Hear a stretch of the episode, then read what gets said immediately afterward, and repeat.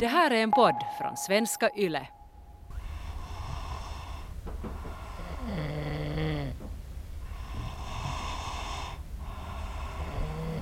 I stugan bor mjölnaren Gustav Tyry, hans hustru Ulrika Matsdotter, gammelmor Margareta Mikkelsdotter och två barn. En treårig pojke och en flicka som är elva månader gammal. Det är natt och bara ett rofyllt ljud av fem människor som sover hörs i torpet. Flickan ligger nedbäddad i sin vagga medan pojken delar säng med gammelmor som håller en skyddande arm runt honom.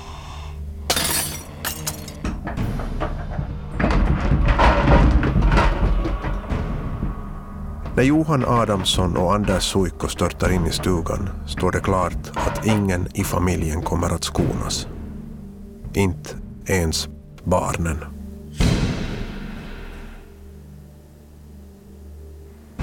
Du lyssnar på den finlandssvenska krimpodden om Finlands värsta seriemördare. En berättelse i fyra delar om tolv brutala brott och ett fruktansvärt straff. Berättelsen baserar sig i huvudsak på Johan Adamssons egna vittnesmål. Del 2. Tio mord på tre veckor.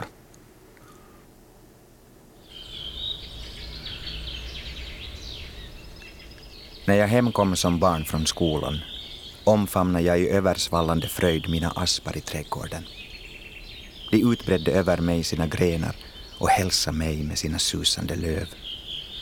Ur dessa träd växte mitt land och mitt folk. Ur vindens sus i löven talade till mig naturens språk.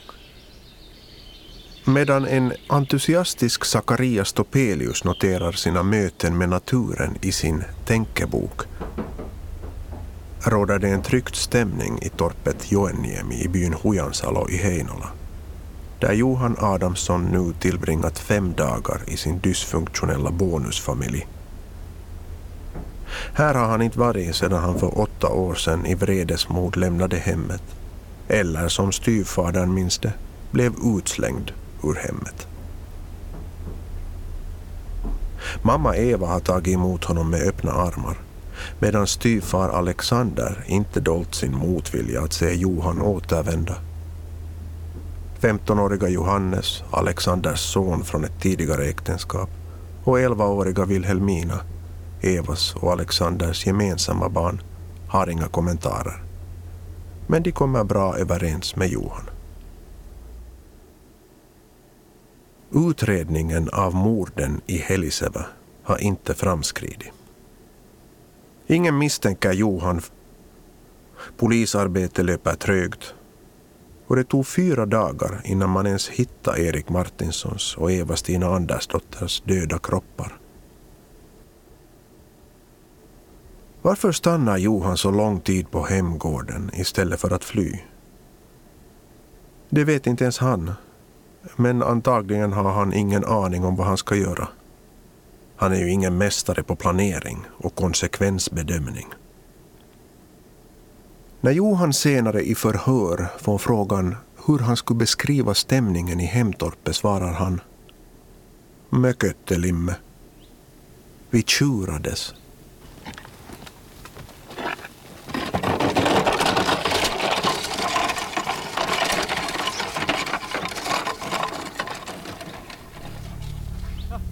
Så kommer dagen. Torsdag eftermiddag den 18 oktober 1849 då Johan hjälper styvfar Alexander att plöja jorden på en åker en bit från torpet. De styrker sig ofta med brännvin och snart är munhuggningen igång. Johan undrar vad hans fars kläder är, de som Johan borde ha fått med sig när han stack är det inte de kläderna som styvfadern nu har på sig. Det ska du skita i, säger Alexander. Ta dem av mig om du kan. Johan slår till honom och Alexander svarar med att slå Johan i ansiktet med sin hästpiska. Förnedrad och ursinnig drämmer Johan till styvfadern med en stör Alexander faller till marken och Johan slänger sig över honom och hamrar i raseri sin styvfar till döds. Efteråt står han en stund flämtande och funderar medan han stirrar på det söndermosade ansiktet. Han fattar sitt beslut och styr stegen mot torpet. Mor Eva sitter i stugan, bakar bröd och tvättar kläder. Johan stiger in i stugan, tar ett vedträ och krossar moderns ansikte. Hon dör ögonblickligen. Nu sätter Johan iväg mot skogen där han senast sett sin lilla syster Wilhelmina valla boskap. Hon sitter vid skogsranden i sina tankar när hon ser sin bror komma emot henne med bestämda steg och en mörk uppsyn. Hans ansikte är blodigt. Wilhelmina blir rädd och springer iväg, men hon snubblar över en stubbe och Johan hinner upp henne. Hon ber gråtande om nåd. Johan tar en sten och slår ihjäl sin 11-åriga syster.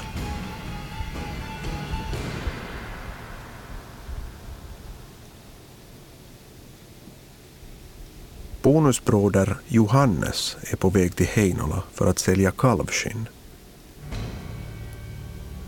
Johan torkar sitt ansikte och springer ifatt honom. De vandrar en bit tillsammans, småpratar, kollar om någon fågel har fastnat i deras fällor. Johan tar ett kraftigt tag om Johannes. Också hans ansökan om nåd avslås. Johan krossar broderns huvud med en trädgren. Han släpar kroppen under ett fallet träd och täcker över honom med löv. På under en halvtimme är familjen utplånad.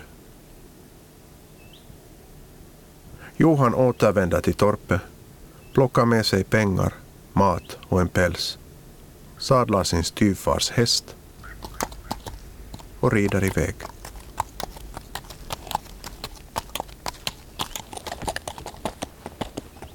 Johan förstår nu att det lönar sig att avlägsna sig från hemtrakterna och det är illa kvickt. Han rider med fart nordost mot Sankt Mikkel tills hästen stupar och han måste fortsätta till fots. Vart han är på väg vet han inte. Till sin glädje stöter han på ett par likasinnade. Mikael Lilja, bekant från fängelsetiden, och Henrik Henriksson, en tjuv som nyss blivit pryglad av lagen. Trion sätter sig avsides och börjar supa. Henrik berättar om sina planer att vandra till Vilmanstrand där man bygger Saima kanal och behöver arbetare. Det låter som en god idé, tänker Johan, men det är omöjligt att få jobb där utan identitetshandlingar och några sådana har Johan inte. Men det har Henrik. Henrik har tidigare av någon anledning visat upp sitt prästintyg som på den tiden motsvarar identitetspapper. Prästintyget, eller ämbetsbetyget, var också ett bevis på att man inte är en lösdrivare. Ge hit pappren så får du en päls i utbyte, säger Johan. Absolut inte, säger Henrik och får en trädgren i skallen. Slaget dödar honom.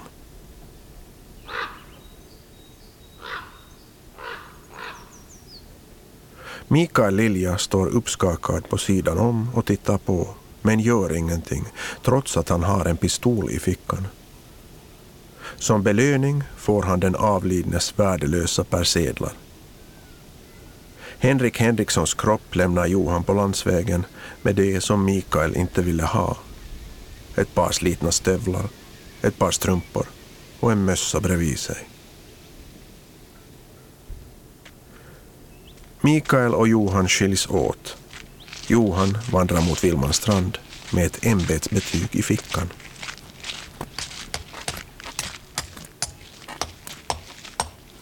Varför en lat människa som Johan söker sig till ett arbete som byggnadsarbetarna vid Saima kanal är svårt att förstå. Arbetet är tungt och leds förmodligen av förmän med hårda nypor. Kanske ville han smälta in. Bygget är stort. Där fanns tusentals arbetare, många av dem fångar på straffarbete. Johan tummar nervöst på ämbetsbetyget. Han har ju inte en aning om vad det står i det. Han kan inte läsa. Han ångrar att han inte frågar vad det står i intyget innan han klubbar ihjäl Henrik Henriksson. Men beslutar sig ändå för att försöka. Han söker jobb som Henrik Henriksson, lämnar ämbetsbetyget på arbetsplatskontoret och går sin väg. Men han dyker inte upp på byggplatsen följande dag. För riskfyllt. Arbetsplatsen övervakas av kosacker men framförallt är han missnöjd med login och lönen. Så vägen kallar. Han skulle sowieso inte ha fått arbete med det ämbetsbetyget. I intyget står det att Henrik Henriksson är en bestraffad tjuv. Sådana anställer man inte på bygget. Johan styr stegen mot Viborg. Den 21 oktober 1849 möter han en ung man, Wilhelm Rad, som presenterar sig som matros 150 i första finska havsekipage, en tjänst han nyligen lämnat för ett liv som vagabond. Johan kastar ett öga på honom och slår fast. En kojari. En skojare. Men det hindrar inte Johan från att lyfta ett krus eller 15 med Wilhelm.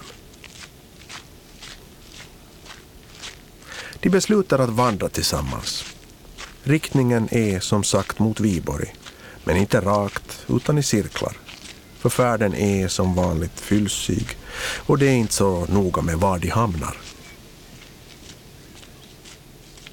Det visar sig att också Wilhelm Rad går och bär på papper. Ett ämbetsbetyg och ett annat papper där det intygas att Rad beviljats avsked från flottan. Johan är först inte intresserad eftersom han tappat sugen för arbete men inser sen att han kan ha nytta av en annan identitet om myndigheterna skulle stoppa honom på vägen. Så medan de vandrar fram på landsvägen sträcker plötsligt Johan ut sin hand och säger Ge mig pappren. Rad vill inte ge dem och Johan slår honom i huvudet med sin vandringsstav. Slaget är hårt och när Johan står där och tittar på sin rosslande kamrat bedömer han att mannen nog inte kommer att överleva. Så vad gör en vän i den situationen? Han befriar sin vän från hans plågor. Och han ska ännu till på köpet få en grav. Så Johan gräver en grav, vältrar Rad ner i graven och börjar skyffla jord över honom. Rad sprattlar till. Han får en sten i skallen. Frid vare över hans minne.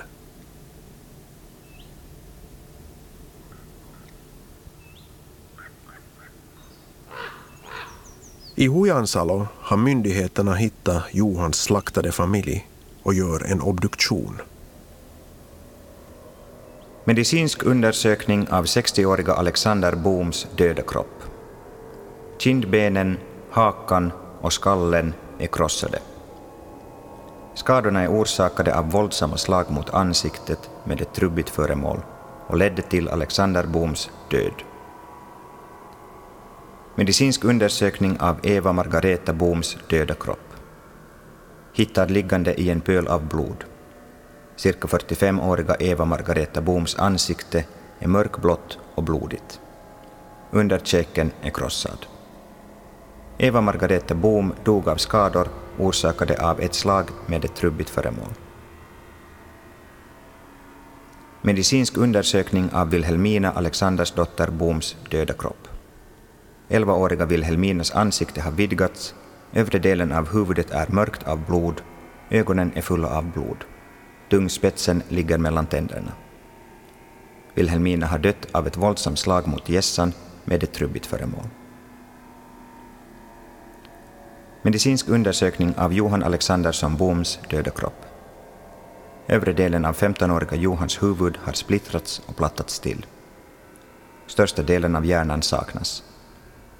Johan Alexandersson Bohm har dött av att någon har slagit honom i huvudet med ett tungt föremål.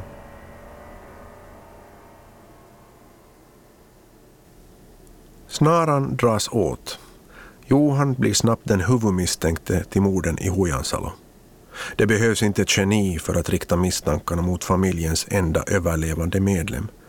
Framförallt inte som Johans rykte som bråkstake är vida känt i byn. Det påstås till och med att han offentligt hotat ta livet av styvfadern.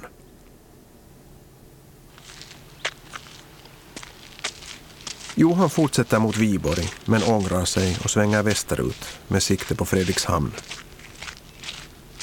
Han har fått höra om en kojaripaikka nära Fredrikshamn. Ett ställe där man tar väl hand om kriminella. Men han hittar inte detta eldorado och börjar istället söka sig mot sin utgångspunkt, klanen Fix residens.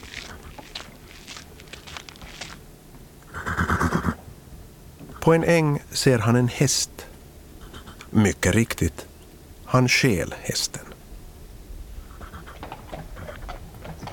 Han hittar också en kärra och nu går resan bekvämt vidare via Pyttis, Lovisa och Mörskom mot Orimattila. Medan han i behaglig takt rullar fram ser han framför sig ett annat ekipage på väg i samma riktning. Kärran är fullastad och är därför långsammare än Johans kärra. Johan har ingen brådska, men i trafiken då som nu är ett långsammare fordon i samma fil ett måste att köra om. Så Johan tränger sig på den smala vägen med våld bredvid den andra kärran. Johan Mattsson, drängfogden som rattar den andra kärran, vägrar köra ut på vägrenen för att ge plats åt den andra kärran. Det är ett dumt val och det är det sista valet Mattsson gör i sitt liv.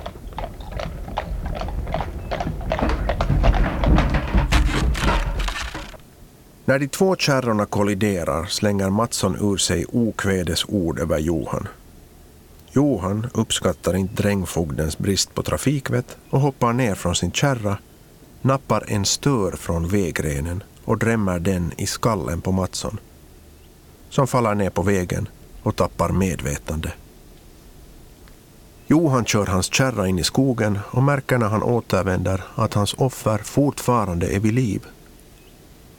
Han avslutar sitt nionde mord med en sten och gömmer kroppen i skogsbrynet.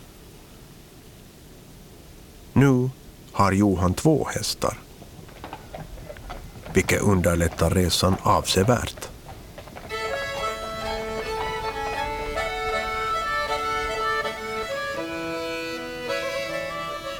I Kölke, Adam Fix stugby, möter Johan kärleken.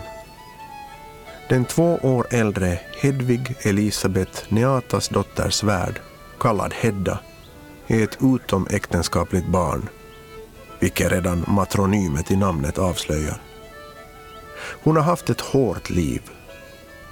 Hon har stått vid skampålen för äktenskapsbrott. Hon har suttit fängslad på vatten och bröd. Hon har varit fånge i spinnhuset i Åbo, det vill säga kvinnofängelse. Och hon är en lösdrivare. Ett perfekt parti för Johan alltså. Hennes erfarenheter har uppenbarligen inte satt sina spår i hennes utseende. Prästens omdöme om henne är att skaparen inte till det yttre lämnat henne lottlös, vilket betyder att hon är vacker. Johan har ingen någonsin beskrivits som stilig, men det stör tydligen inte Hedda. Vad hon ser i Johan berättar historien inte. Men de är båda ensamma, utstötta, utan fast mark att stå på och de behöver annan kroppslig beröring än våld. Det tar inte många dagar innan Johan friar och han får ett ja till svar. Han ger Hedda en vacker guldring. Jo, den är stulen. Så långt som till ett äktenskap hinner de inte, men de får några veckor tillsammans.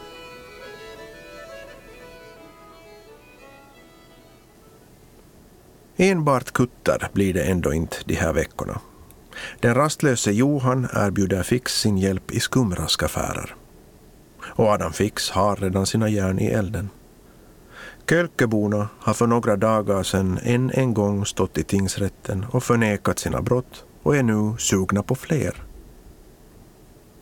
De beslutar sig för att råna torparen Erik Helpolin i byn Eteläinen i Hauho, som enligt Adam Fix är en synnerligen förmögen man. Johan och Adam Fix svåger, Henrik Mickelsson, avlägger ett besök hos Helpolin och hans maka Eva Andersdotter. Rånet är nästan identiskt med slakten i Heliseva. Johan ber om att få övernatta och när det gamla värdparet somnar slår han ihjäl dem med en yxa som han hittar i torpet. I förhörsprotokollen senare framgår det att medhjälparen Henrik Mikkelsson, som uppenbarligen mest stått och tittat på, är ordentligt omskakad. Han erkänner att det här nog inte kan klassas enbart som ett rånmord. Mängden blod som strittar omkring när Johan går lös på paret ser Mikkelsson som ett självändamål för Johan och hans oregerliga natur. Den chockade Mikkelsson föreslår att de bränner ner stugan i hopp om att det ska se ut som ett olycksfall. De tuttar eld på stugan. Men ingen tror att det är ett olycksfall. Johan får ytterligare ett brott på sin meritlista. Mordbrand. Det visar sig att rykte om Erik Helpolins rikedomar är falskt. Utdelningen från rånet är magert. Så man förbereder i rask takt ett nytt rån. Planeringen är som vanligt kaotisk. Istället för att först välja ett objekt för rånet, sen göra upp en plan för hur rånet ska utföras och sen välja vem som utför rånet, så börjar man med att bestämma sig för att göra ett rån, sen välja vem som ska utföra det och till sist välja objekt för rånet och göra upp en plan. Johan ska göra rånet, men behöver förstärkning. Johan är inte imponerad av sin förra kumpan Henrik Mikkelsson som han kritiserar som svag och fantasilös. Han saknar initiativrikedom enligt Johan. Men Mikkelsson hänger med i rånen för att han är Adam Fix svärson. Man värvar Anders Suikko från Vitarla by i Asikkala. Suikko är en 35-årig, lång, bastant man med kopparrigt ansikte. Enligt förhörsprotokollen har han mörkt stripigt hår och en vild blick. Han har en stabil kriminell bakgrund och äger en illegal krog. Som hemmansägare hör han till en snäppe högre socialklass än Packe han rör sig med. Gänget är samlat och nu funderar man på vem man ska råna. Hedda Svärd drar sig till minnes ett samtal med en annan kriminell, Maria Falk, som nämnt ett möjligt rånobjekt i sin hemby Hattemala i Vånå socken. Maria Falk, som beskrivs som en hårdför, svekfull kärring, blir hjärnan bakom rånet. Hon gör upp en plan. De ska råna kvarntorpet Tyry Enligt Maria är familjen Tyry så malliga över sina rikedomar att de bör befrias från sina pengar. Falk engagerar också sin man Johan Kangara i operationen. Uppenbarligen är hans roll främst att se till att servicen under brainstormingen fungerar. Det vill säga att spritflöde inte sinar. Falk och Kangara deltar inte i rånet eftersom de bor i samma by som familjen Tyry och lätt skulle bli igenkända. Rånet utförs av Johan, Anders Suikko och Henrik Mikkelsson. Den här gången beslutar man sig för raka rör. Man frångår Johans vanliga strategi att be om övernattning och sen slå till när familjen sover. Nu går man till frontal attack. I Kvarntorpet Tyry bor Gustav Tyry, hans hustru Ulrika Matsdotter, gammelmor Margareta Mikkelsdotter och två barn. En treårig pojke och en flicka som är elva månader gammal. På natten den 8 november 1849 vaknar de av att deras fönster slås sönder. Utanför står tre hotfulla beväpnade män som kommenderar dem att tända ljusen och öppna dörren om de vill behålla sina liv. Männen har dragit sina mössor för ansiktet. Gustav Tyry säger att han släpper in dem om han får garantier för att familjen inte skadas. Det får han.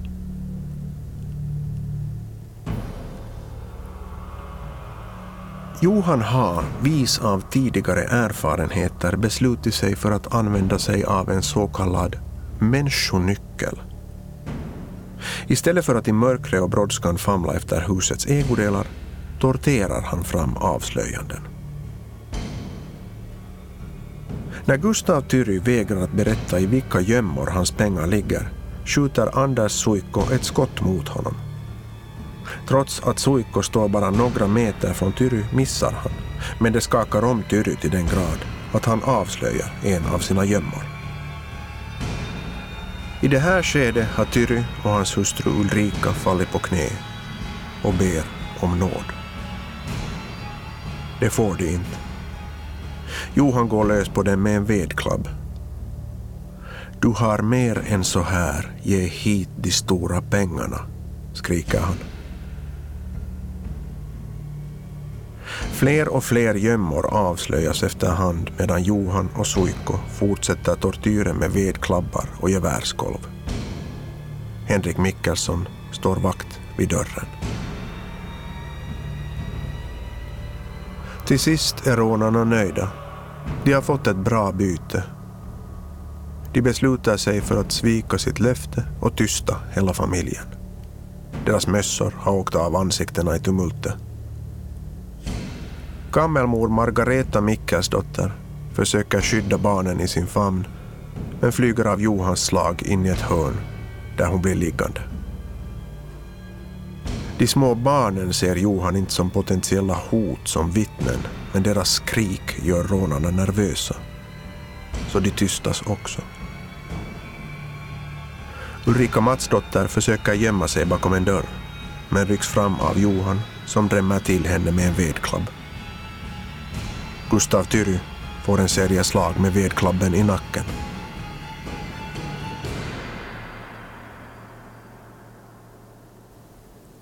Nu är det tyst i stugan.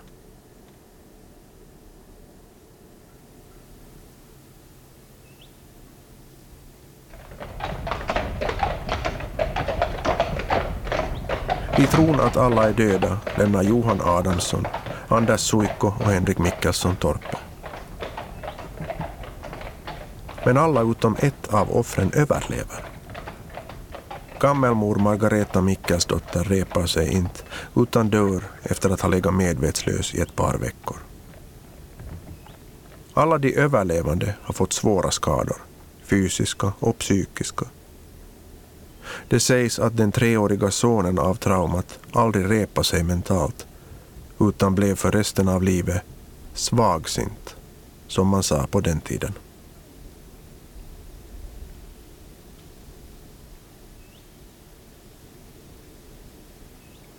Margareta Mikkelsdotter blev Johan Adamssons sista mord. För nu hade han lämnat vittnen efter sig. Nu börjar jakten på Johan Adamsson. En jakt som ska utmynna i ett straff som saknar motstycke i kriminalhistorien.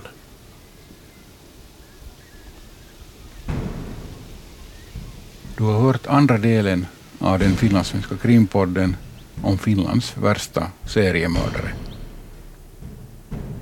I del tre, En man man inte vill möta,